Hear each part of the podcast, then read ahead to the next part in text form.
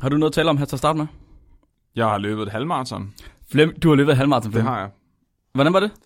Jeg har øh, faktisk et, jeg har, jeg har et plaster på min, på min højre bryst. Prøv, at- jeg forstod det ikke. Så får man det der billede, og du sender dig. Hvorfor har du ikke plaster på fra starten af? Det ved alle, man skal tape eller have plaster på sine nipples. Det har der aldrig nogen, der har hørt, der har aldrig hørt om. Hvorfor, hvordan ikke det? Hvordan kan du løbe og, og være forberedt dig til maraton, men ikke vide, at man skal have tape på sine nipples? Jeg har bare altid sådan, tænkt, det skulle gøre ondt. Det var først efter 16 km, det begyndte at gøre ondt. Jamen, så har du ligesom også fem tilbage. Men så begyndte det satme også at gøre virkelig ondt. Ej, Altså, det, det er var vanvittigt, faktisk Flemming. næsten det værste. Det var ikke, at jeg blev træt, eller sådan, jeg ikke kunne få luft. Det var, at min brystvorter, det gjorde simpelthen så ondt. Også fordi, jeg havde ikke taget, jeg havde ikke taget en af de der sportstrøjer på. Jeg havde bare en almindelig t-shirt med sådan lidt udvasket stof, du ved. Så der var sådan lidt ekstra ruflet. Jeg skulle faktisk lige så sige, jeg tror du ikke, at de der sports-t-shirts, de er endnu værre? Og fordi de er sådan lidt syntetiske. Ja. Jeg har hørt, at de er værre, de gnider mere og øh, river mere i stykker. Nå, ej, jeg har sådan et, jeg har sådan et lyserødt øh, Looney Tunes plaster på min ene nippel lige nu. Sådan. Og, men havde du barberet din nipple inden eller efter? Altså, jeg, jeg, plejer, jeg plejer bare lige at tage det værste altid. Fordi jeg har sådan en ring af pels rundt om hver brystvort. Det forstår jeg ikke, Flemming. Det Hvor, hvorfor? Hvorfor jeg har det? Nej, hvorfor fjerner du det? Fordi de bliver jo sindssygt. Er du kraft, de bliver længere end dem, jeg har oven på hovedet. Er det rigtigt? Det er jo sindssygt. det passer ikke. Jo. Jeg kan Nå. godt lægge en af dem gro til dig, hvis du ikke tror på det. Ja, jeg vil gerne, jeg vil gerne have en. Må jeg få en? Ja, vil altså, gerne have Ja, jeg var ved ikke, hvor meget lang, godt. tid, hvor lang tid tager det for sådan en at gro ud? Det ved jeg ikke. Det, du ved det højst sandsynligt bedre, end jeg gør. Det er ligesom din nippelhår. Nej, men jeg har bare, altså prøver jeg at barbere min nippelhår af, siden jeg var 14 Det eller passer sådan noget. ikke. Det tror jo, jeg ikke på. Jo. Det tror jeg ikke på. Så meget mand. Det kan godt være, at du er mand, Flemming, men så meget mand er du fandme ikke. Du tror, okay, skal jeg lade hele den ene nippel gro, eller bare en af hårene? Bare en af hårene. ja, det er ligesom de der teenager, der lader et hår gro ud på hagen. Har du ikke hår på dine nipples? Jo jo, men, Men- men jeg, var, jeg behøver ikke barbere dem. Lad du dem bare sidde? Hvordan ser de ud? Du har jo ikke hår på dine nipples. Det er fordi, du ikke sidder tæt nok på. Men lige det er ikke lange. Prøv lige- Kan du se? Kan du se? Ja, du, er også, du, er, du, er, du er en mand. Tak, Det er der ingen tvivl om. tak. Du var en mand. Men jeg løb et halvmarathon, Ja. og det, det har virkelig været, det var rart. Nå, Jeg har slet ikke haft ondt i benene efter det overhovedet. er du klar til hele maraton nu? Ej, det bliver fandme ikke. Det bliver ikke over i hvert fald. Nå, Det bliver sagt ikke over. hvornår så? Næste år, eller? Ja, det kunne jeg godt. Du kan sgu da ikke bare udskyde det. Er det, det man, er det derfor, man løber et halvmarathon? Det er for at træne op til et helmarathon. Er det ikke det, de gør? Men når man så løber et helmarathon, er det så for at træne op til en 100 km løb? Ja. Og hvad træner man så op til, når man løber et 100 km løb? 200 km. Tror du, der er nogen, der har gjort det? Ja, ja, ja, ja. Jeg så, at øh, rekorden for maratonløb var blevet slået her. Det var endelig kommet under to timer nu. Fuck, det er hurtigt. Det var lige min 10 sekunder eller sådan noget. Prøv lige tænk på, hvor hurtigt det er. To timer på at løbe 42 km. Altså, jeg synes, jeg løb rimelig hurtigt, og jeg løb, jeg løb det der halvmarathon på to timer og syv minutter. Jesus Christ, mand. Hvad er det? Så det er cirka øh, det er 10 km i timen? Ja. Hele vejen. Men de her ja. mennesker, de løber så 20 km i timen. Ja. Hele vejen. Ja. På et maraton. Ja. Så det er bare dobbelt op på alt. Du skal løbe, øh, du skal løbe 1 kilometer på, hvad er det, sådan to og et halvt minutter eller sådan noget. Det er sindssygt. Ja, det gør lidt ondt på mig. Altså, det, det skulle jeg aldrig nogensinde gøre. Aldrig nogensinde. Men altså, så er det også overstået. Så er Hvorfor skulle man overhovedet starte på det? Det lyder så, så forfærdeligt. Så er det kun to Lyder timer, du både- lider. kedeligt, og det lyder som om det gør ondt, og det lyder som om det er træls, og det lyder som om det er hårdt, og jeg har ikke lyst. Jeg forstår det ikke. Jeg forstår det virkelig ikke. Ej, det er også, du er sådan en armmand. Jeg, har, jeg forstår, Du er sådan en, der, du, du klatrer kun med armene. Du lader Ja. ja. bare, be, altså, dine ben, de er bare sådan, de er ballast for din klatring. okay, jeg vil godt have lov til at sige, jeg har faktisk ret god be- øh, fodteknik, men derudover så kan jeg også godt klatre kun i armene. Det hedder campus, og jeg er god til det. Skal vi starte? okay.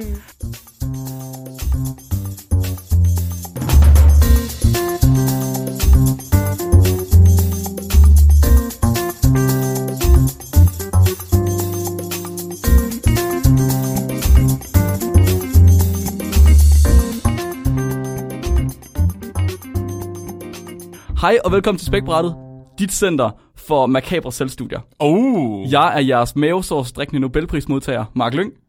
Og jeg er jeres uh, mavesårs udviklende Flemming. Det, du kan ikke bare tage min. Hvor du ved at udvikle... Nej, du er forsker. Nej, jeg drikker det. Men Men- drikker Du mavesår. kan ikke bare tage min. Jeg er i gang med at få et. Prøv at høre, jeg drikker så meget kaffe og stresser.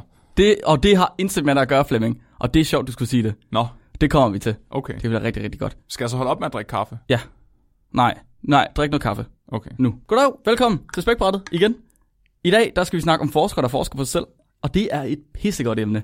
Det er et rimelig farligt emne også. Et rimelig farligt emne. Hvorfor farligt? Altså fordi Fordi du... tænker, det tænker tit, det går galt, når man forsker på sig selv. Nå, på det, jeg troede, du mente farligt, som i, at du ville begynde at gøre det, fordi du blev inspireret. Altså, jeg kunne faktisk godt... Jeg, har, jeg sad og læste nogle af dem, og tænkte, det kunne jeg godt have fundet på. Det tænkte, jeg tænkte præcis det samme. Jeg ja. var sådan, der, flere gange så skriver de i de der internetartikler, man læser med dem, så skriver de, at det var fordi, de var så passionerede, at de bare ikke kunne lade være med at forske på sig selv, for de skulle bare vide, hvad der skete. Men i virkeligheden så er det sådan noget med, at de vil redde verden, så de må hellere lige teste, om det virker. Hvem skulle man ellers gøre det på end sig selv? Eller en gris? Og hvis man så ikke lige har en gris, Så har man en søster. ja, jeg kan godt lide min søster. Nå. Sø- søstre. Du Du... vil teste på dig selv først. Det tror jeg. Ej, det vil jeg også. okay, ej, vi har da lavet, vi har da lavet lidt. Vi har lavet sådan en tishejst, men det var selvfølgelig ikke forskning. Nej. Altså, jeg har testet på ting fra mig selv, men jeg har aldrig nogensinde testet på mig selv. Du har også leget meget med mit tis. Jeg har også testet på, på ting fra dig, men jeg har ikke testet på dig. Jeg kan godt lige smide lidt, smide lidt tidsbakterier i dig, Flemming. Hvordan kunne du egentlig forske på dig selv med det projekt, du har lige nu på PUD'en? Åh oh, nej. Skulle du inficere dig selv med kateter og Ja. øh, urinvejsinfektion? Så skulle der en gummislange på cirka 10 mm oh, i Åh, diameteren Nej. op igennem urinrøret, det vil sige ind i penishovedet og hele vejen op i blæren. Så puster man en lille ballon op, og så lader man sidde der. Men inden da, så har man selvfølgelig lige puttet lidt bakterier på det her kateter. Så får man en urinvejsinfektion, som er rigtig ubehagelig. Og så skulle du s- blande den med nogle andre bakterier og se, hvordan det går og sådan noget. Så det har jeg ikke lyst til. Det vil jeg godt være fri for. Jeg tror, jeg vil lave det der studie med at se, om man, øh, om man skider hurtigere af at drikke kaffe. Så jeg vil sluge en masse perler, ligesom da de lavede Bristol-skalaen, og så tage tid på, hvornår de kommer ud igen, Ja. og så udsætte min mave for alle mulige forskellige ting, og så se, hvor hurtigt øh, gennemløb der er. Der er ikke så meget risiko i den, synes jeg ikke. Har jeg ikke ret i det?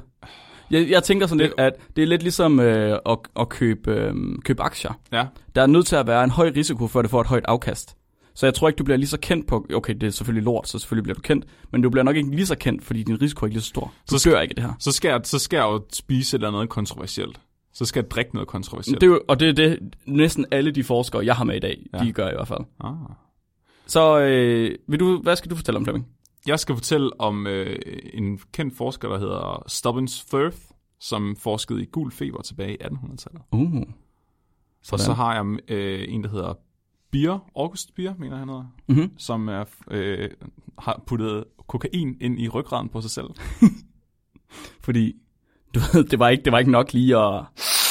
Der, skal, der skulle... Det er for at få, for at få et rigtig højt Flemming. For at få, for at få det rigtige. Og det er ligesom trepanering gør. Ligesom det der hul i panden, men her... Henning, kom med nålen! Ja, bare, bare lige ind i ryggraden. Bare, ja. bare lige der. Åh, oh, det er godt. Han har, han har simpelthen bare været så stiv, at han ikke kunne finde sin arm. så er sådan i ryggen. Mm. Prøv, at tæ- ramme, prøv at tænke at ramme så forkert i armen, at du rammer forbi og om i ryggraden.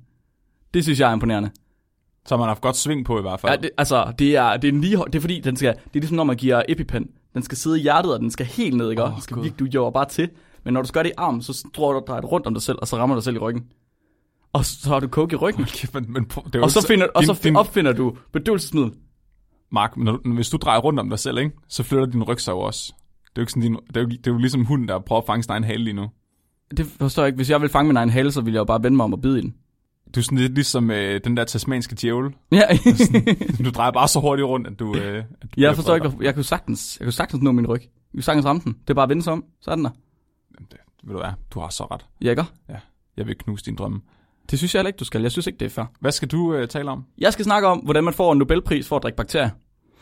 Det, det er faktisk... Det lyder ret spændende. Er det ikke smart? I'm intrigued. Ja. Please tell me more. Ja, ja, ja, ja, ja. Men det kan være, at jeg skal starte så. ja. Ja. Så øh, vi har fået en praktikant, Flemming.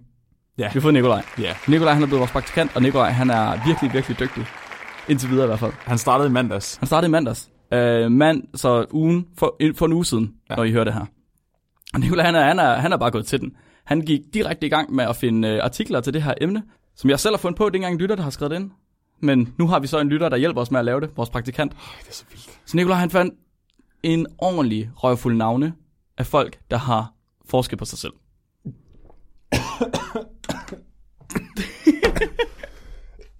Undskyld, Nikolaj.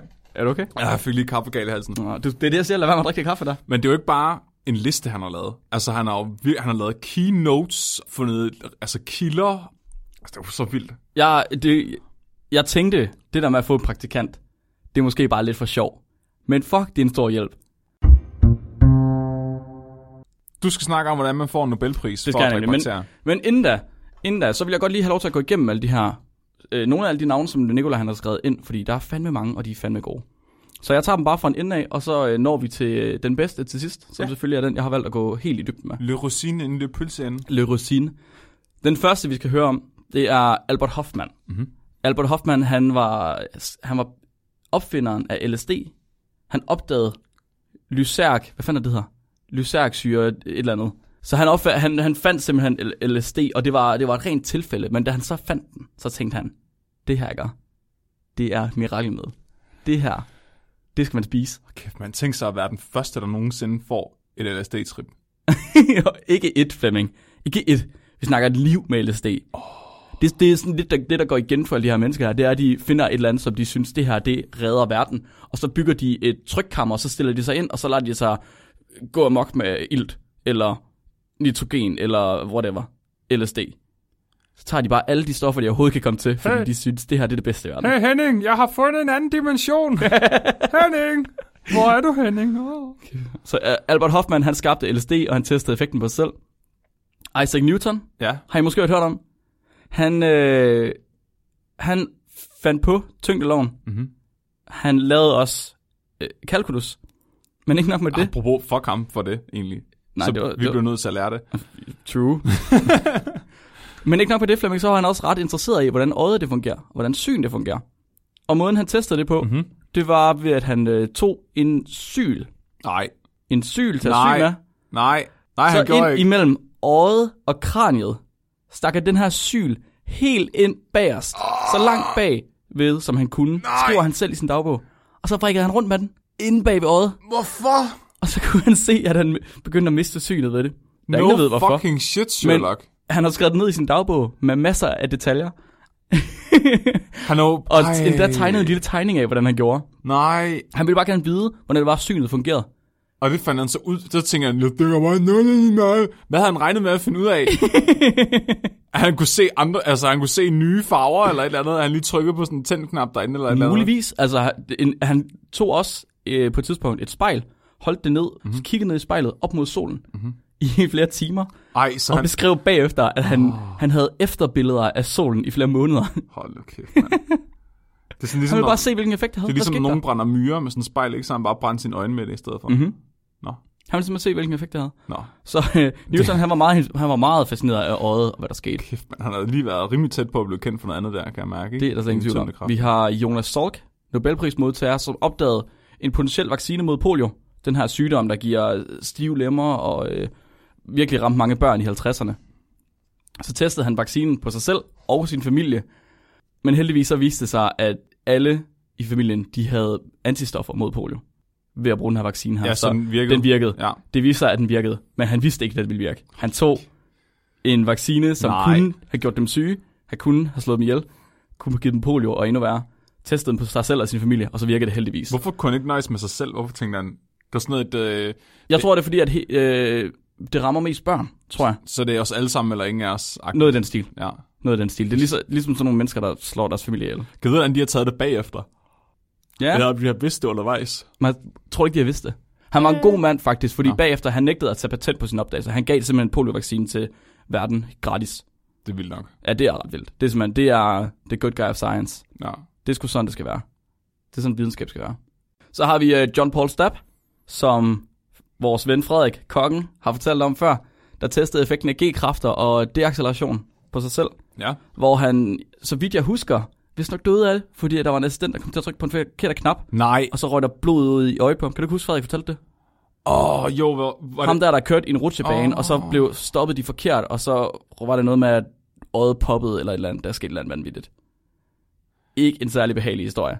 Altså, du bliver lige nødt til at forklare det der ordentligt. Så han har testet G-kraften i sådan Ja. en af de der maskiner, der drejer rundt. Var Var det sådan, det var? Jeg synes, var det Eller ikke var det en, en rutsjebane? Jeg synes, det var en rutsjebane. Der var en eller anden form for vogn, han Ja. ja. testede det i. Som de så kunne køre for den her vogn op i høj fart, og så kunne de stoppe den hurtigt. Så jeg bare fyrede ham afsted mega hurtigt, og så stoppede ham. Ja. Og så set, hvad der, altså, ja. G-kraft, hvordan G-kraften har påvirket ham. Præcis. Bliver han udsat for G-kræfter, ved den stopper hurtigt, så? Ja.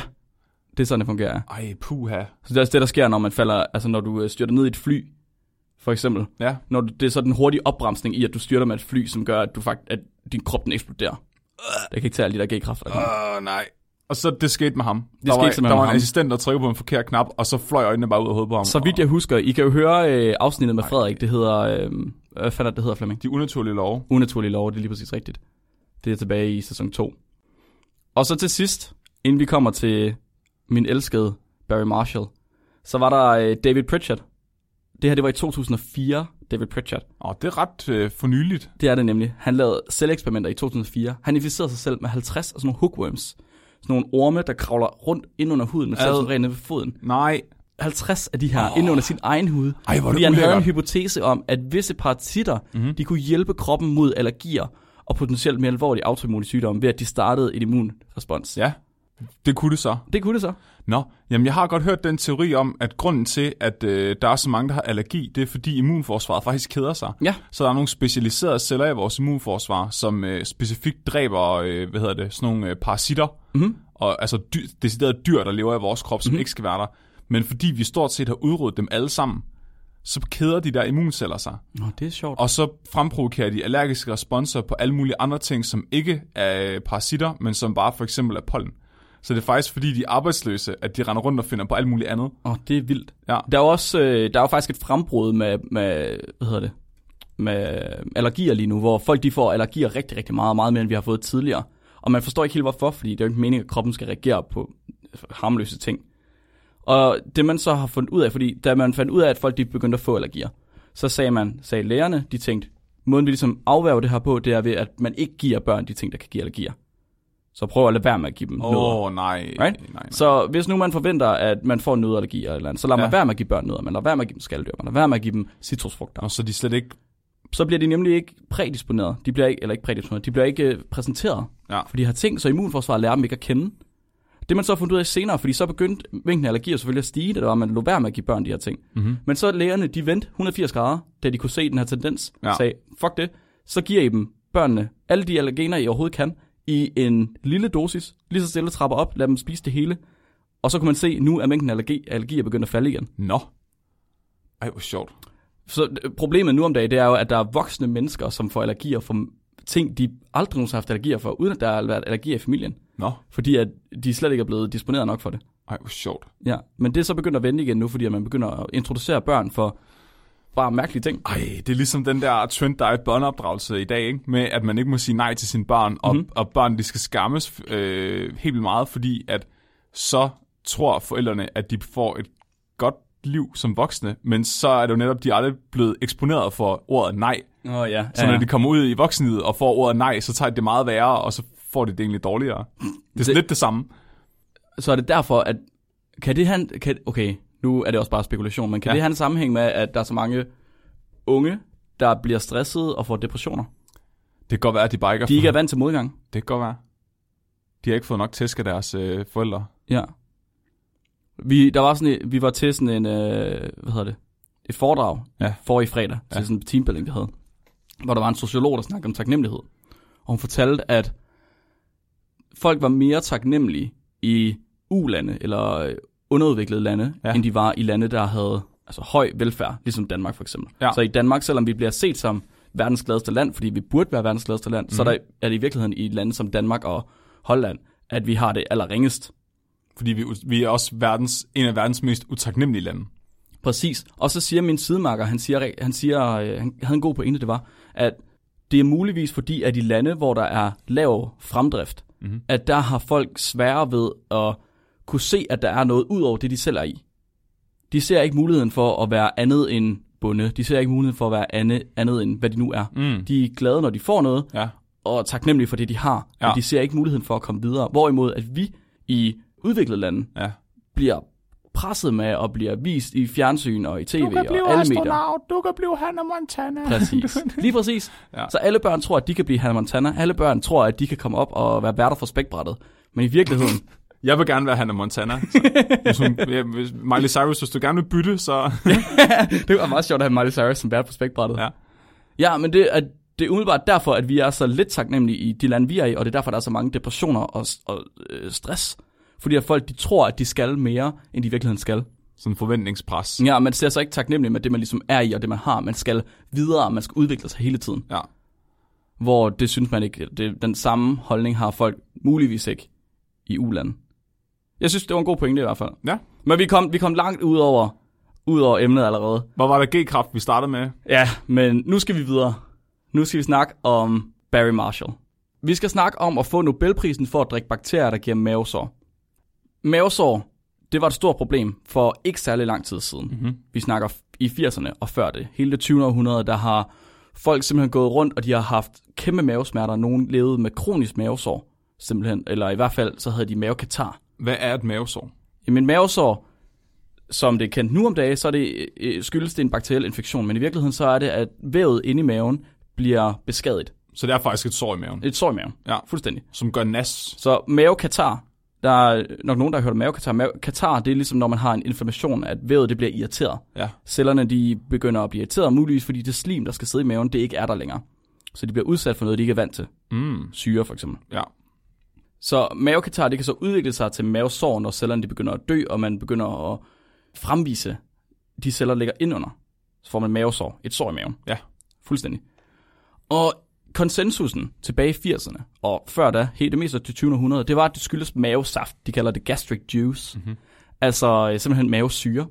Så behandlingen mod mavekatar og mavesår, det var at neutralisere den her syre. Nej. Jo, folk de sagde, at hvis du får øh, altså baser, hvis du drak mælk, sådan nogle ting, at så skulle det neutralisere det. Og man forskede oh, i ting, der ligesom kunne give mere mavesyre, eller i hvert fald ja. Ja. sure mavesyre. For eksempel stress, eller sociale faktorer. Men hvis man neutraliserer mavesyren, så åbner man jo netop op for, at der kan komme bakterier ind og leve der, fordi mavesyren, s- altså syren i mavesyren, er jo netop vores forsvar mod mikroorganismer Yes, fra munden og ned i maven. yes. Så hvis du begynder at neutralisere den, så bliver du også syg. Lige præcis. Det, oh, Lige præcis. Så de har, Og- de har gjort det værre jo. Lige præcis. Og Barry Marshall, han var ikke enig, Flemming. Barry Marshall, han var en held. Ganske enkelt. Ja. En, en held, der ikke, ikke tænkte på sig selv. Han var simpelthen han var det mindst egoistiske menneske, der har findes. Ah, okay. Men i Udover hvert mig. fald, så var historien om Barry Marshall. I 1981, der var Barry Marshall i gang med et lægeprogram. Han var uddannet til læge, og som en del af det her lægeprogram, så skulle han have fundet en forsknings, et forskningsprojekt, han kunne lave. Han arbejdede ved mave afdeling i Perth i Australien på det hospital, og så kom han i kontakt med, med sin chef, eller han havde ligesom en chef, der hed Tom Waters, som sendte ham i kontakt med Dr. Robin Warren. Og Warren, han havde opdaget en spiralbakterie i slimet fra nogle mavebiopsier. En Så- spiralbakterie. En bakterie, der var spiral, Nå. som så kom fra nogle biopsier, altså nogle prøver fra maverne øh, ved nogle mennesker, der havde nogle bestemte sygdomme. Ja. Og det var fint nok. Men så Marshall, han begynder så at arbejde sammen med Warren, og han begynder at øh, undersøge, og man har set den her bakterie andre steder, og han finder ud af, at man ser ofte den her bakterie associeret med mavesårspatienter. Mm-hmm. Mhm. Så patienter, der har mavesår eller mavekatar, der finder man også den her bakterie. Det er specielt nok i sig selv. Så Wa- Warren øh, og Marshall, Ja. de begynder så at gå ind og undersøge, det her, det her, hvad fanden er det for noget? Hvad er det for en spiralbakterie? Kan vi finde den i andre, øh, i andre patienter? Men man kunne ikke rigtig finde et, altså et mønster i det. Man kunne, ikke, man kunne ikke rigtig se, okay, er det specifikt for den her sygdom, specifikt for den her sygdom? Man kunne ikke rigtig finde ud af, hvor kommer den her bakterie fra? Er den overhovedet associeret med det, altså i virkeligheden? Eller er det bare noget, vi har fundet? Og de la- går så i gang med at lave en række eksperimenter, og når de så gør det her, der opfylder de en stor række af nogle hallmarks inden for revolutionerende videnskab. Man siger, at de har været det rigtige sted på det rigtige tidspunkt, og de har set, hvad andre har set, men de har tænkt, hvad andre ikke har tænkt. Ah. De har også haft en passion for videnskab, der tilsidesætter deres egen personlige sikkerhed ved selveksperimentering. Oh, oh. Marshall og Warren, de vil finde ud af, kommer den her bakterie fra mavekatar, mavesårspatienter. Så de forsøger sig med at kultivere bakterien i laboratoriet, altså med at gro den på plader i et laboratorium. Men det har de så ingen held med. Til gengæld, så har de masser af hjælp. De er det rigtige sted på det rigtige tidspunkt. Så de er i Perth, hvor der er masser af, af hjælp. Så der er masser af øh, læger, der vil sende prøver fra mavebiopsier fra de her patienter. Og der er masser af, øh, af mikrobiologer, der vil hjælpe dem med at prøve at gro den her bakterie her. Så de opdager i virkeligheden, at bakterien den kan findes i de her mavebiopsier. Næsten hver eneste gang, de tager en mavebiopsi, så finder de bakterien, men de kan aldrig gro den. Bup, bup. Og en af de ting, man skal gøre for at vise, at en bakterie giver en bestemt sygdom, Ja. ja. det er at gro den. Ja, Det skal man kunne. så du kan lave eksperimenter med den. Øhm, Præcis. Og så, Marshall han går sådan lidt, øh, Barry han går sådan lidt og laver nogle hister her, han går og tager nogle prøver for nogle patienter, han finder her bakterier, han gør sådan lidt, du ved, i, lidt, lidt, i, alt muligt mærkeligt. Og så sidder han til et vejledermøde sent i 1981, og så siger, øh, han sidder med to seniorforskere, han sidder med sin chef, Tom Waters, og han sidder med Chris Sanderson, og så siger Chris Sanderson, han siger til ham, Barry, you should stop buggerizing around and do a proper study. På godt australsk. Han siger simpelthen, stop med det her pisse her, du kan ikke bare gå og lade rundt, lav Ja. ja. nu et ordentligt studie. Ja. Og det gør Barry så. Nej. Han laver et ordentligt studie med 100 patienter til at starte med. Okay. Han finder simpelthen 100 Hold da op. patienter. Han vil gerne undersøge, er organismen til stede i normal mave, først og fremmest. Mhm. Han vil gerne finde ud af, om den kan blive kultiveret, om man kan gro den. Han vil også gerne se, om dens tilstedeværelse, den har- er, om der er en sammenhæng mellem dens tilstedeværelse med typen, og med alvorligheden af abnormal mavehistologi. Mhm. Altså, hvis nu at cellerne opfører sig mærkeligt, er det så fordi bakterierne er der. Så hvis din mave har det træls, er der en sammenhæng med om bakterierne er der? Præcis. Og ikke nok med det, hvordan er bakterien relateret til patientens symptomer og sygdommens status? Ja. Det studie her, det blev udgivet i 1984, og allerede med det studie her, der var de på vej mod Nobelprisen. Jesus. Men det er ikke det, der er givet med Nobelprisen. Og inden vi lige tager resultaterne for det her studie med 100 patienter, så skal vi lige tilbage til de her plader med kolonier. Fordi den her bakterie, den hedder Helicobacter pylori, den var svær at kultivere, og det var faktisk religion, der skulle redde den. Så prøverne fra de her maver her, de blev behandlet rutinemæssigt. De blev groet i 48 timer, efter de havde taget prøven, og så blev de smidt ud. Man groede dem i 48 timer ind i varmskab og smed dem ud. Der var ikke nok af. Men i 82, der faldt påsken, fra den 9. til den 12. april, det var en weekend, og øh, teknikerne i det mikrobiologiske laboratorium, de havde travlt, der var et udbrud med MRSA. Ups. Så de, øh, de gik rundt og hjalp små børn, der var ved at dø af stafylokokker Fair nok. i stedet for. Så de havde ikke lige tid til at tjekke på de plader her om lørdagen. Så blev det søndag, de havde fri. Det var mandag, det var påskedag. Så de fik først tjekket pladerne om tirsdagen. Mm. Om tirsdagen, da de kom ind, fem dage efter de har sat pladerne over til at starte med, der finder de så, at der er nogle små, transparente kolonier på de her plader her. Oh, oh. Så de havde simpelthen fået helicobacter groet ved, at de havde glemt pladerne på grund af påskeweekenden. Nej. Det Så det, det er er simpelthen- simpelthen, fordi den har groet så langsomt, de ikke har kunne se den Lige præcis. de første gange. Lige præcis. Det var simpelthen ren held, at de fik den frem. Ej, hvor sjovt. Yes. Og så fra det her 100 patient studie, der opdager de i maj, så det her det var i april, det der med pladerne, i maj måneden efter, der opdager de, at 65 af de 100 patienter, de havde mavekatar, og de fleste af dem, af de her 65, de havde spiralbakterier i maven. Nå. Og i patienterne med mavesår, så ikke bare mavekatar, men re- reelt mavesår, der blev bakterien fundet i 90% af dem. Hold da op. Men artiklen, de skrev ud for det her, de her 100 patienter her, den kunne ikke udgives. Hvorfor? Så redaktøren prøver at finde nogle reviewer, Ja. ja. der skal kigge på artiklen og sige, om den er god nok. Men reviewerne, de vil ikke anerkende vigtigheden af studiet. Nej. Det var simpelthen, det var øh, det medicinske øh, sam- sammenhold, der gik ind og sagde, det her det er ikke vigtigt nok, det er ikke sådan, det er. Det er stress, det har ikke noget med bakterier at gøre. Nå, ej, Det skal ikke og Det var udgives. det, vi snakkede om på et tidspunkt i, i start her afsnittet. At Ja. det var meget normalt nogle gange, at, at forskere faktisk forhindrer hinanden i at Yes. udgive ting, Præcis. fordi det ikke stemmer overens med deres eget. Præcis. Og det var simpelthen to år før udgivelsen af den her artikel her i 82, der var det, de ikke kunne finde nogen reviewer, så der gik to år efter de havde lavet studiet, før det rent faktisk blev udgivet. Så det var først i 84. Ej, hvor vildt. Og i de her to år, så sidder Barry, og han bliver mega frustreret. Der er mega lang ventetid, det er forfærdeligt, og han kunne ikke få etableret en dyremodel. Han, det virkede ikke i mus, eller i nogle af de dyr, han ellers brugte. Nej. Så han vælger selvfølgelig at inficere sig selv. Sådan. Han er en perfekt model, så hvorfor Ej. ikke gøre det? Fuck, det er... Så han gjorde det egentlig for at få øh, de reviewers til at godkende hans paper. Yes, lige præcis. Det er fandme dedikeret. Det er fandme dedikeret. Han vil, han vil påvise, at den her helicobacter, den påfylder, eller at den udfylder Cox-postulater. Cox-postulater, det er en række af regler, man bruger for at bevise, at en sygdomsfremkaldende bakterie rent faktisk er en sygdomsfremkaldende bakterie. Mm. Der er fire regler.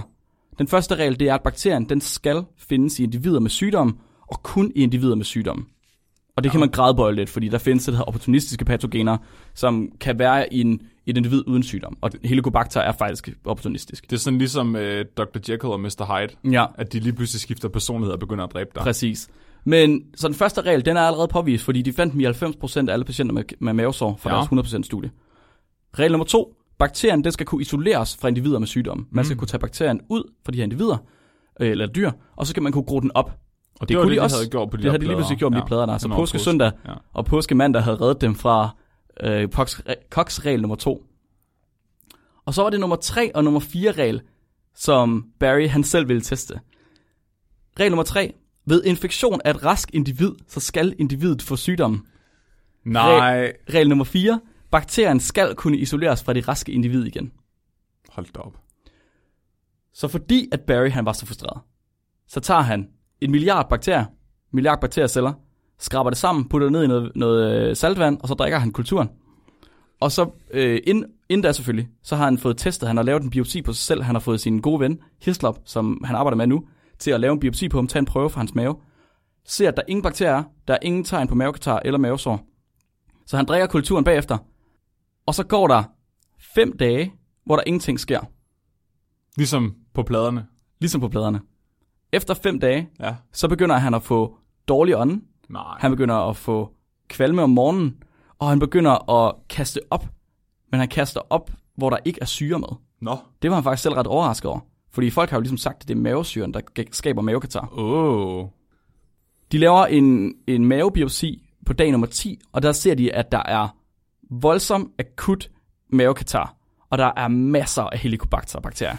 Masser. No. Han har drukket en milliard af dem, mand. Der er simpelthen så mange.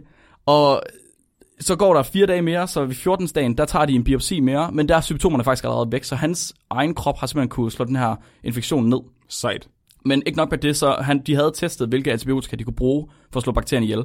Så han tager selv den her, øh, de her antibiotika her, fordi på 14. dagen, øh, på 14. 20. dagen, der tager den her biopsi, og så på Marshalls kones ordre, hun hedder Adrienne, så siger hun, hun har simpelthen fået nok, hun vil have, at han med det samme begynder på antibiotika, fordi hvis ikke han gør det, så bliver han smidt ud af hjemmet, og så må han sove under en bro. Sådan. Mens ånden bare var blevet så dårlig. Det vil hun satme ikke have. Nej. Hun skulle ikke have, at han gik rundt og døde af mavesår. Modder siger stop. Præcis.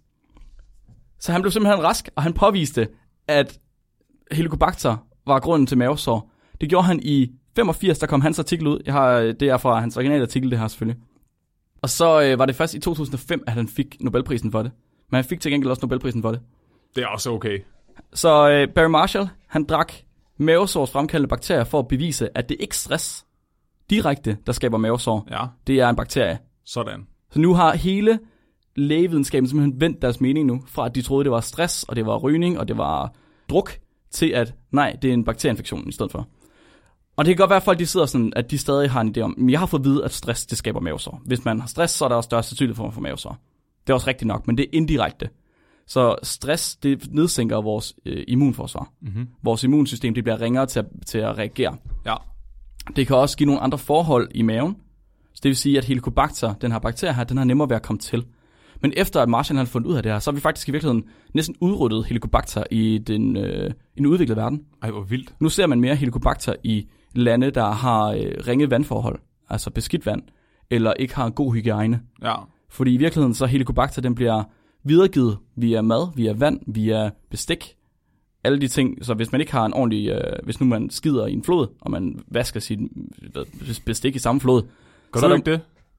Jeg holdt op, efter jeg har fundet ud af, at det er helicobacter, der giver mavesår. Nå, okay. Så lader jeg være. Ja. Og kolera giver død. Det er fair Det vil jeg også gerne være fri for. Men det er jo sandt for de fleste infektionssygdomme. Ja. At, at de bare generelt er der, hvor der er sådan noget bliver blandet. Ja, fordi det meste af det, det de lever rigtig godt i maven. Ja. Og øh, når man så har en person med diarré, der så skider ud i floden, og du drikker af samme flod, så Ej, får du også Henning. diarré. Sjovt nok. Henning, ikke igen. Undskyld. Det var historien bag Marshall. Nå. Jamen, så er det jo min tur. Ja. Så jeg tænker lige, øh, jeg starter med en kort og en lang. Okay. Så først en kort, og så får jeg den lange. Nå, som man siger. Så den første, jeg gerne vil fortælle om, det er ham her, August Bier. Og August Bier, han er kendt for at have testet brugen af kokain på sig selv, s- som en brug, som, til at bruge den som øh, anesthetics, så øh, bedøvelse, Bedøvelsesmiddel. bedøvelsesmiddel, ja. Så han havde en idé om, at hvis du sprøjter kokain ind i cerospinalvæsken på dig selv, så kan du ikke mærke noget. Hvordan så får bliver man- du bedøvet. Hvordan får man sådan en idé? Men Det var startet med, at han havde fået en eller anden patient, som havde tuberkulose i foden.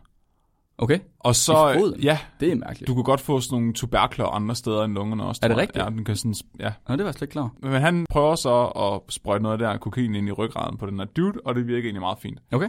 Så tænker jeg, nu vil han fandme bevise, at det virkede. Så han tog noget kokain, og så sprøjter han det ind i ryggen på sig selv, men så sker der det, at han laver et hul, der er så stort, at cerebrospinalvæsken begynder at sprøjte ud af hullet. Nej, Jo. nej, nej. Øh, Hvordan? Så det, han stopper med det samme og tænker, okay, det her, det, det, det her, det er, øh, det er en dårlig idé. Og, men han har en god assistent. Så assistenten siger, I volunteer as a tribute. Og så, og så stikker han nålen ind i ryggen på sin assistent i stedet for, og sprøjter kokain ind i, øh, i ryggraden på ham, og så, så skal de jo selvfølgelig teste, om det virkede som bedøvelsesmiddel. Så først så sparker de ham over skinnebenene. Nu, jeg har hørt historien nu, nu kan jeg godt huske den. Ja. Det er rigtigt. Ja. Det er der, hvor de tæver assistenten. Ja, så de spar- først sparker den her assistent hen over skinnebenet, og det kan han ikke mærke. Så bagefter prøver de at brænde ham. Det kan han heller ikke mærke. Så begynder de at rive hans pubeshår af, og det kan han heller ikke mærke. Hvad? Ved du, hvad den ultimative test er? Og så? Så til sidst, så næv de ham i pikken. Nej, Og det kan han heller det, ikke værste, mærke. det er det værste, du kan gøre ved en mand. Ja. Niv ham i pikken. Den ultimative smerte. Nej, men det... Hvordan, har, havde han stukket sig selv i ryggen? Hans assistent havde ikke stukket ham i ryggen. Nej, altså, ja, han stak sig selv i ryggen, ja. Og Hvordan? s- Det virker sindssygt. Det er sådan lidt... Okay, nu jokede Matt lige før. Ja. Ja. Men du kan jo ikke, du kan ikke ramme dig selv i ryggen. Du kan ikke, hvordan kan du være... si- Og så lavede han en hul, der var så stort, at det sprøjtede ud. Ja, altså, det er jo en nål, du stikker ind, ikke? Jo, jo. Og så tænker jeg, altså... Jeg har jo fået taget sådan en cerebrospinalvæskeprøve, eller ja, de har forsøgt at tage en på mig. Ja. Hvor, hvor, altså, måden de gør det på i dag, det er, at der er en stor nål, du stikker ind, som ja. Ja. guider den lille nål ind mellem dine øh, hvad hedder Ryghvirvler. Det? Ryghvirvler. Fordi ellers så knækker den lille nål. Ja. Så måske har han bare nået at stikke den store nål ind, og så inden han har fået den lille nål med kokain ind i, så er, er der bare begyndt at stå ud. God, det er vanvittigt. Men det er også... Det er, det er så vel- vanvittigt at tro, det kan jeg sgu da godt gøre. Der kan der godt nå ind. Det er fandme en mandemand. Ah, ja, ja, ja. Altså, Men alligevel, det er også fordi han er sindssygt- dum, det vil jeg da Det er godt give også dig ret i. sindssygt at sprøjte kokain ind i sin fucking ryggrad, altså. Hvornår, hvornår var det? Altså ham her, August Bier, han er født i 1861, og han døde i 1849. Okay, så dengang var der jo noget... Vent, hvad sagde du? 1941.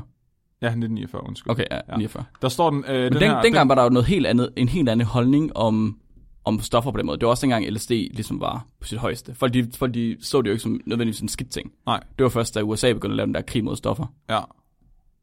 Ja, det er selvfølgelig rigtigt. Så han har jo bare, han har jo bare set det. Det er jo bare kemikalier, som er Ja, ja, andet. det- og og de dengang- har også, de havde kvikstølsbolger, så det var ikke noget problem. Nej. Det var, Og han havde et stort overskæg, ja, så det, du skal da bare lade være med at pive. ja. Det var i 1898, at han lavede den første øh, operation på en, en person med øhm, bedøvet på den måde. Hold da op. Ja, så det er lige omkring år, århundrede, århundredeskiftet. Det er ret vildt. Så, det er vildt. En patient, der siger, han har selvfølgelig set på assistenten, der lå derovre med blå mærker og havde det rigtig dårligt ugen efter, men ikke havde kunne mærke, når det var sket. Og så har han tænkt, det her, det virker. Jeg tror, jeg, jeg er faktisk lidt i tvivl om, om han lavede den der operation, inden han testede det på sig selv. What? What? Hvad sagde du lige der? Ja, Hvad? Hvad? Nej, det, nej, det må du ikke sige. Det- Jo. han havde lavet operationen, og så siger han, det ser sgu ud, som om det virker. Det må jeg lige prøve. okay, så her, det er den, her, den her person havde virkelig slem tuberkulose, og han skulle have, han skulle have ordnet et eller andet i sin venstre ankel. Og så derfor vil, han var bange for at få almindelig bedøvelse, fordi at han øh, havde oplevet sådan s- side effects ved det tidligere. Så derfor så sagde han, vi kan da bare sprøjte kokain ind i ryggraden på dig. Hvad? Det, det, det, det tænkte han, han bare lige. Han kaldte det cocainization of the spinal cord. What Så the injicerede fuck? han 15 milligram ind i ryggen på ham, og så, øh, ja. Og det følte så, at ej, uha, to timer efter operationen førte det til, at, han, at øh, patienten han begyndte at få øh, ho- hovedpine og, og kaste op. og, det er virkelig, hold kæft, det er træls scenarie. Fuck, det er vanvittigt. Men det var den korte, Okay. så har vi den lange, og det er det en af mine yndlingshistorier. Så den handler om gul feber. Ja. Nu sætter jeg lige øh, Ja, kom baggrund, stemningen ja. her. Ja. Så gul feber, det er en virus, som bliver spredt mellem mennesker, altså til mennesker og chimpanser fra hundmyg. Så hvis du bliver stukket af en myg, som har gul feber, så får du gul feber. Okay. Eller hvis du blander blod med en person, der har gul feber, får du det også. Okay? Mm-hmm. Sygdommen, det er en virus, og den inkuberer i kroppen i 3-6 dage, så det vil sige, efter du har fået sygdommen, så sker der ikke noget før efter 3-6 dage. Herefter, så kommer sygdommen så i udbrud. Og der er den meget sådan influenza-agtig, mm-hmm. øh, hvor du så får, også får hovedpine og måske ondt i ryggen, kan du mm-hmm. få. ja. Og det går så over efter 3-4 dage, så er du faktisk rask igen. Okay. Men i 15% af tilfældene, så går den over i en fase 2. Så at den her øh, feber, den udvikler sig til det, der så er karakteristisk ved sygdommen gul feber. Fordi den, sætter, den går over og sætter sig i din lever, den her virus. Og begynder at nedbryde din lever. Og det fører til, at du får gul hud, fordi der kommer så meget affaldsstof ja, ud i dit blod. klart. Og så begynder du at kaste op. Ej, Og det her bræk, det er sort. sort? Ja, fordi der er så meget, altså der er så mange døde røde blodceller i dit bræk, Wow. at det er sort. Wow, wow, Ja. ja. wow. De er simpelthen de er døde af forurening, eller hvad? Det må det næsten være. Ja, altså og virusen tænker jeg også i leveren. Altså at den også øh, dræber cellerne der. Okay. Men det der så, og det, det, det, det er derfor den bliver kaldt vomito negro på spansk. What? ja. Og El udover, Flamor. udover at du får gul hud og kaster op- sort bræk op, så, får du, så begynder du også at bløde ud af munden. Så, What? Ja, mens du hikker og så syner. Det er virkelig træls at få spansk syge. Men selvom du så får det her, så er dødeligheden øh, stadigvæk øh, kun omkring sådan 50-50 Okay. i fase 2. Hvis du overlever, så er du så immun resten af livet. Sejt. Så det er... Øh, 50-50. Ja. Og Det er sgu... Det er okay odds, hvis det kommer den sygdom, du bliver fedt, udsat for. fedt, ikke? Og det er jo så kun ud af 15 procent. Ja, ja, okay, okay, okay. Så den er, men, men det, det varierer lidt alt efter, hvilket udbrud det er. Fordi jeg tænker at blandt andet også, fordi det er en virus. Så viruset, de muterer jo hele tiden. Mm-hmm. s- ligesom influenzavirusen gør. Så det har været forskelligt. Altså, den findes stadigvæk i dag, faktisk. Okay, Det, øh, og det er forskelligt, hvor slemme de her udbrud af virusen er. Så i nogle tilfælde har dødeligheden været meget lav, og antallet af fase 2 øh, sygdomme har været lav, hvor i andre tilfælde har den været rigtig høj. ja. Så en af de her rigtig slemme tilfælde, det har været i Philadelphia tilbage i 1800-tallet. Der var øh, 10% af Philadelphias befolkning døde faktisk af gul feber på en sommer. Hold da op. Ja. Og det gik ikke forbi næsen på en vis Stubbins Firth, som øh, Det er et oplevede... vanvittigt navn. Det er et ret sejt navn. Det er et vanvittigt navn. Ja. Så han var medicinstuderende på det her tidspunkt.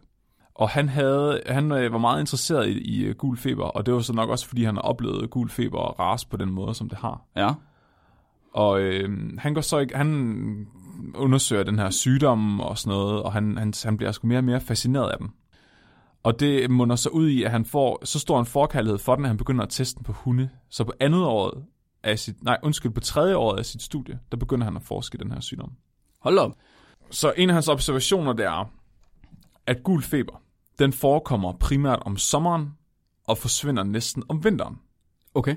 Men det er jo fordi, den bliver spredt af myg. Ja, Så myggene de lever om sommeren, og så dør de om vinteren. klar. Så han øh, har en teori om, at det simpelthen er en sygdom, der er forårsaget af stress over varmen. Nej, Jo, what? jo. Så der, øh, i forvejen, der fandtes der alle mulige andre teorier om, hvad gul feber var, som faktisk var bedre end hans. Så helt tilbage i 1700-tallet, der kendte man til sygdommen. I 1793, der dør 10% af Philadelphias befolkning Okay, af gul feber. okay, Det er et rigtig slemt udbrud. okay. Han, han udvikler den her teori om, at det smitter gennem hysteri, så det er basically bare stress. Igennem hysteri. Ja, så folk bliver stresset og hysteriske, og så begynder de at kaste sort op og få gul hud og dø. Du kan ikke bare du kan ikke smitte igennem hysteri. Hvad er Altså, for en det har bare været sindssyg endnu, ting endnu en rigtig macho mandemand, der var sådan, øh, vold at høre med pivsen. så der var alle mulige andre teorier i forvejen, helt tilbage på 1700-tallet, om, at den smittede gennem dårlig luft.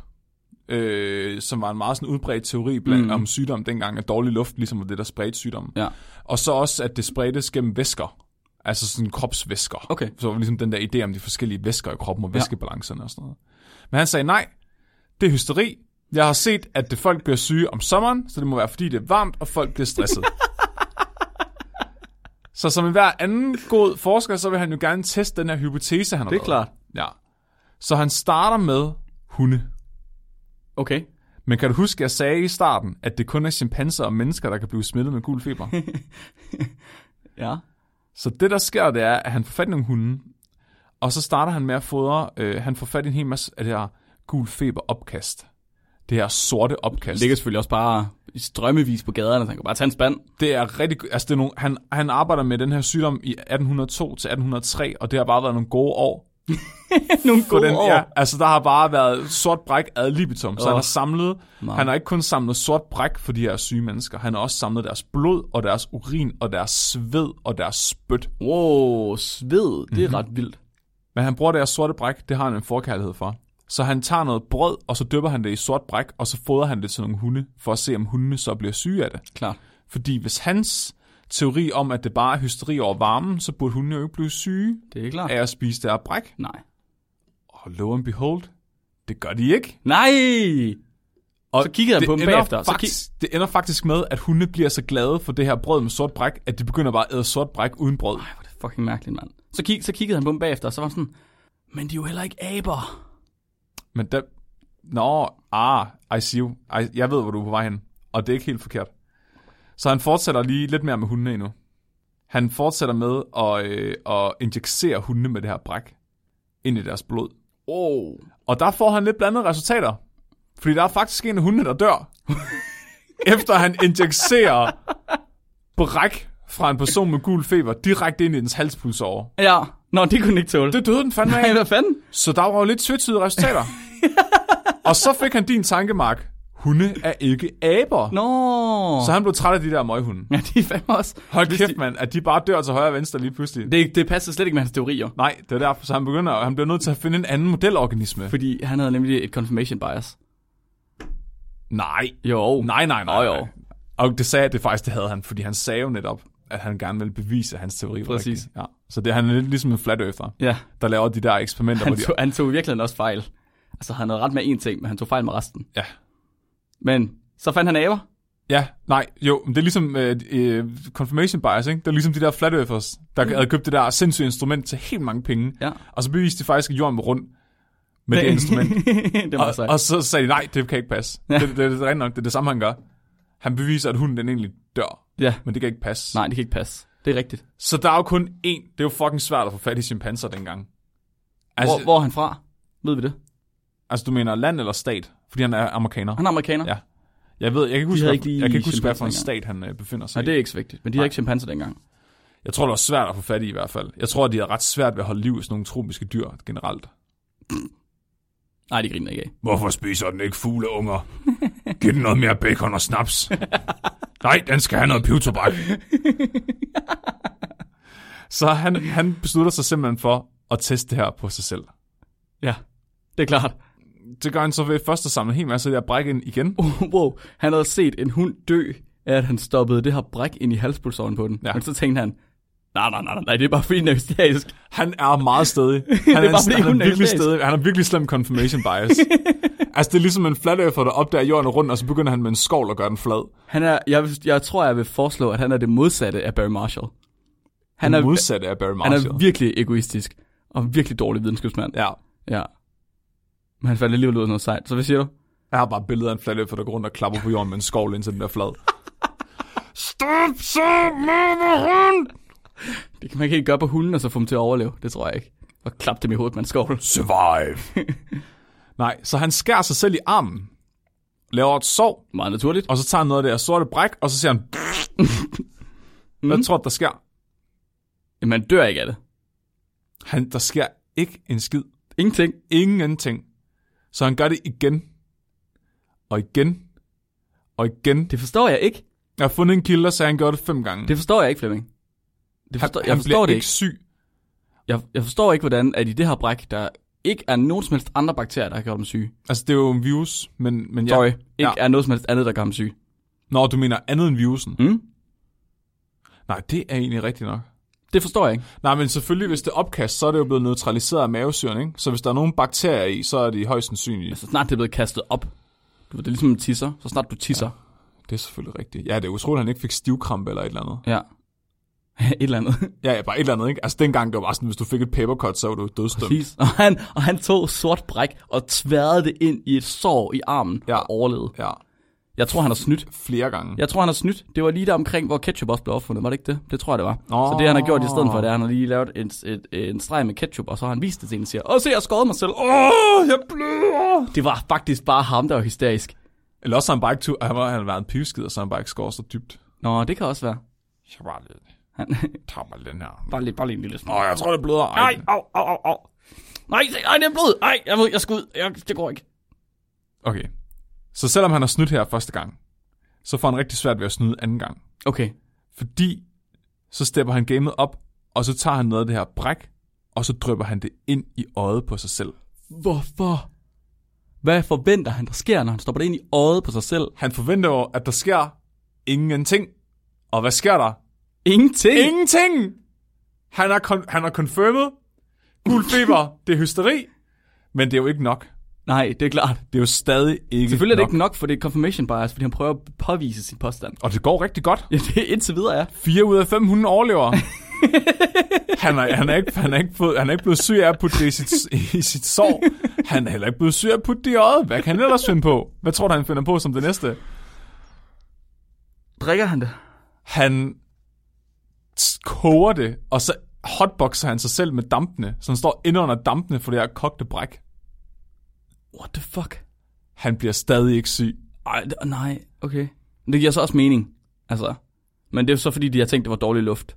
Ja, Okay. ja, præcis. Det må være dårlig luft. Men når, når vi tænker over det nu om dagen, så giver det jo mening, at hvis han koger det, så sker der ikke noget, for det eneste, der kommer op, det er jo vanddampene. Ja, men tror du ikke, nogle små viruspartikler også ville kunne blive båret i dampen måske? Det er jeg ikke sikker på. Nej. Ej, de er selvfølgelig ret store. i Du forhold kan jo, til- når, du, når du udvinder salt, så er der Ja. jo ikke salt i dampen. Nej, det er selvfølgelig rigtigt. Det kan jo blive fundet med. Og Virus er viruspartiklerne vil nok større. også blive ødelagt af at blive kogt. Ja, det var du nok ret i. Du har i hvert fald ret, fordi han blev ikke syg. Nej, det gjorde han ikke. Og du havde også ret på et andet punkt, fordi så kom næste trin i forsøget. Og der sagde du, om han begyndte at drikke det, og Ja. ja. der havde du fuldstændig ret. Ja, selvfølgelig havde det. Han tænker, øh, åh, De der hunde, de kunne fandme godt lide det. Ja. Ja. Må det ikke, det smager rimelig godt? kan jeg vide, hvad det smager af ja? Han tager det bare raw, ikke noget brød eller noget. Han, han drikker det bare, Åh, kæft, mand. Det er sådan marmite. og han bliver stadig ikke syg. Og han, altså, Nu begynder det at være sejt. Eller, det, det, det, ikke, det, men, men alligevel, det burde faktisk være første forsøg, han var blevet syg, ikke? Fordi der fik han det i blodet. rigtigt. Det er måske, ja, true. og det smittede med myg og gennem blodbanen. Rigtigt. Ja. Så Hvorfor bliver han ikke syg, ja? til sidst, der bliver han så frustreret over, at han ikke kan gøre sig selv syg. Men det er jo en god ting. Måske bliver han så meget op at køre over, at han har ret, Ja. at han i en kataklysmisk øh, event kataklismisk betyder. øh, nej, nej, bare fortsæt. episk, Fortsæt. smører han sig selv ind i pis, spyt og blod Han tager fra hele folk med cocktailen. den spanske syge. Han laver lige en jorden rundt. han laver en, øh, en, en øh, Bronson. og så smører han sig bare ind i det her, den her væske, der er udvundet af folk med gul feber. Og han bliver stadig ikke syg. Han har i virkeligheden badet i ofre for gul feber. Ja. Han har, han har prøvet at ind, indtage, indtage deres essens. Må jeg godt, må jeg godt få noget af dit tisse og dit blod og dit... Måske noget af dit bræk. Ej, han bliver for, hvad skal du bruge det til? Jeg har bare tænkt mig at rulle mig i det. Måske smage lidt på det. Kan du ikke brække dig i øjet på mig? Okay.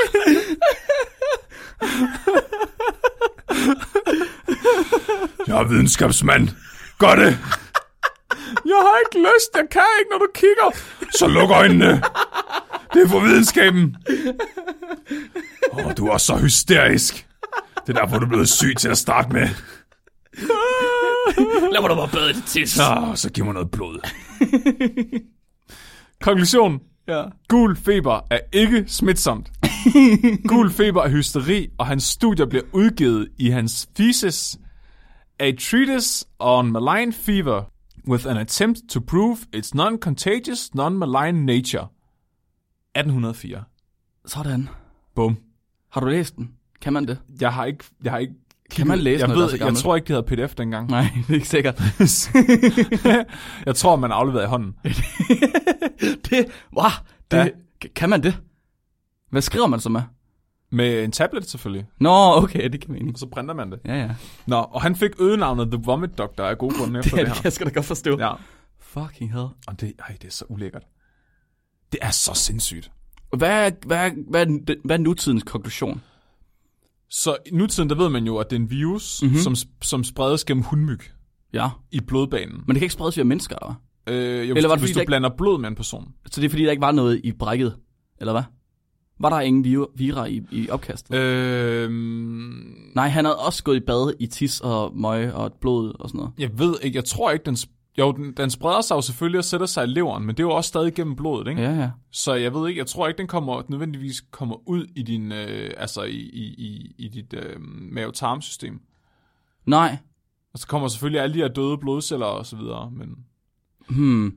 Men Ja. ja. så selv, selv, hvis han har, selv hvis der har været viruspartikler i, hans, i det der opkast, så er det jo ikke kommet ud i hans blodbane, når han har drukket det.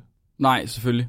Så det kræver, at han bliver stukket af en myg, eller at han får det ned i et sår. Og det Okay, gjorde så- han, ja. Den kan smitte, han havde bare bevist, at øh, den kan ikke smitte via det der opkast, og altså, man, man skal have den i blodet, før den smitter. ja, jeg tænker også, at det er derfor, han måske ikke blev syg, da han puttede øh, opkastet i sit blod. Fordi der er virusen er i blodet. Ja, den er ikke i opkastet, det ja, Ja, tænker jeg også. Og ja. ja. den er højst sandsynligt også blevet neutraliseret i opkastet. Ja. Right? Af mavesyre eller et eller andet. Og hvis, den har, hvis du siger, at opkastet er sort, fordi at det er døde røde blodlemmer, mm-hmm. så viruserne er nok ikke i de døde røde blodlemmer. Det gider de ikke længere. Nej, De hopper videre til det næste, hvis de overhovedet går ind i blodceller. Ja. Ja. Hvilket de nok ikke gør. det er nok, jeg, tror, jeg ved ikke, hvad de laver i leveren. Nej, Det er ikke sikkert, at der er nogen, der ved det, for at være helt ærlig. det er sgu ikke sikkert. Det er ikke sikkert, man har givet. Han er, altså, nu har Colin, øh, hvad hedder han? Colin Firth. Hvad hedder han? Stubbins mm-hmm. Firth. Han havde fundet ud af det hele, så hvorfor skulle man gide at forske med det? Nej, nej, det Du er kan selvfølgelig- bare læse, det er meget hans, hysteri. øh, læse hans tese fra 1804. Lad nu være med at skæve dig. det skal bare gås væk. Det var varmen. Ja. Du skal bare have koldt. du, skal bare, du skal bare have det koldt. Er du læge? Skal bare snaps. og salt. Skal spise masser af salt.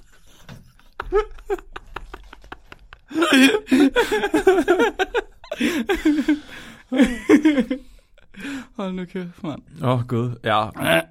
Men den er faktisk, den findes, altså sygdommen er faktisk øh, på vej tilbage nu. Er det rigtigt? Ja. Og det er lidt uhyggeligt. Det er noget lort. Så Men er det ikke fordi... de her myg, Ja. ja. som det er, en bestemt, det er en bestemt art af myg, der især spreder den her Ja. virus.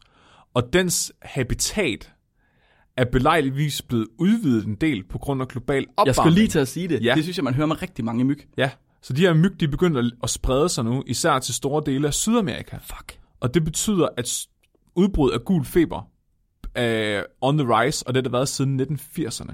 Okay. Så i 2013, der var der 45.000 mennesker, der døde af gul feber, og 127.000 fik den i fase 2. Ja. Så Damn. Det er mange mennesker. det er ret mange Vi er, mennesker. simpelthen- vi er nødt til at udrydde de der myg med CRISPR. Ligesom folk de siger. Ja, det er sådan en syg idé. Det skal vi gøre. Vi skal, ud for, øh, vi skal udrydde myg. Der er ikke noget at gøre. De skal bare væk. Væk med dem alle sammen. Jeg kan ikke se problemet i det. Jeg kan heller ikke se problemet i, at der skulle komme konsekvenser senere. Det er sgu da bedre end de konsekvenser, der er nu. Jeg kan sgu heller- men helt ærligt, kan du se nogen? De er jo ikke Er det ikke det, for, for, det, er det folk de argumenterer for aller, allermest? Det er, at myg er, er ikke... Den har ingen nyttefunktion. Er der nogen dyr, der spiser dem? Nej. Æderkopper måske, men de har, der er jo masser af andre dyr, de kan æde. Myg er bare dumme Træls. og træls. Ja. Altså, de skal bare udryddes. De er snyldere. det er noget andet end en vipse, for eksempel, som, du ved, æder andre dyr. De har ligesom et økosystem, men myg, de har kun meget specifikke dyr, de æder fra. De der blod fra, og så Nasser. skaber de bare, så f- viderefører de bare lige der fucking sygdom. Ja. Det er pisse irriterende. Flemming, det, øh, det var en god historie. Ah, den er, det er så klamt. Det er fucking klamt. Det er så klamt. Mega. Inden vi slutter af, så skal vi til dagens lytterspørgsmål. Vi kan godt lige nå det. Uh. Det synes jeg godt, vi kan. Lytterspørgsmål. Og det er fra Frederik. Igen, igen, igen. Bartoli? Ja.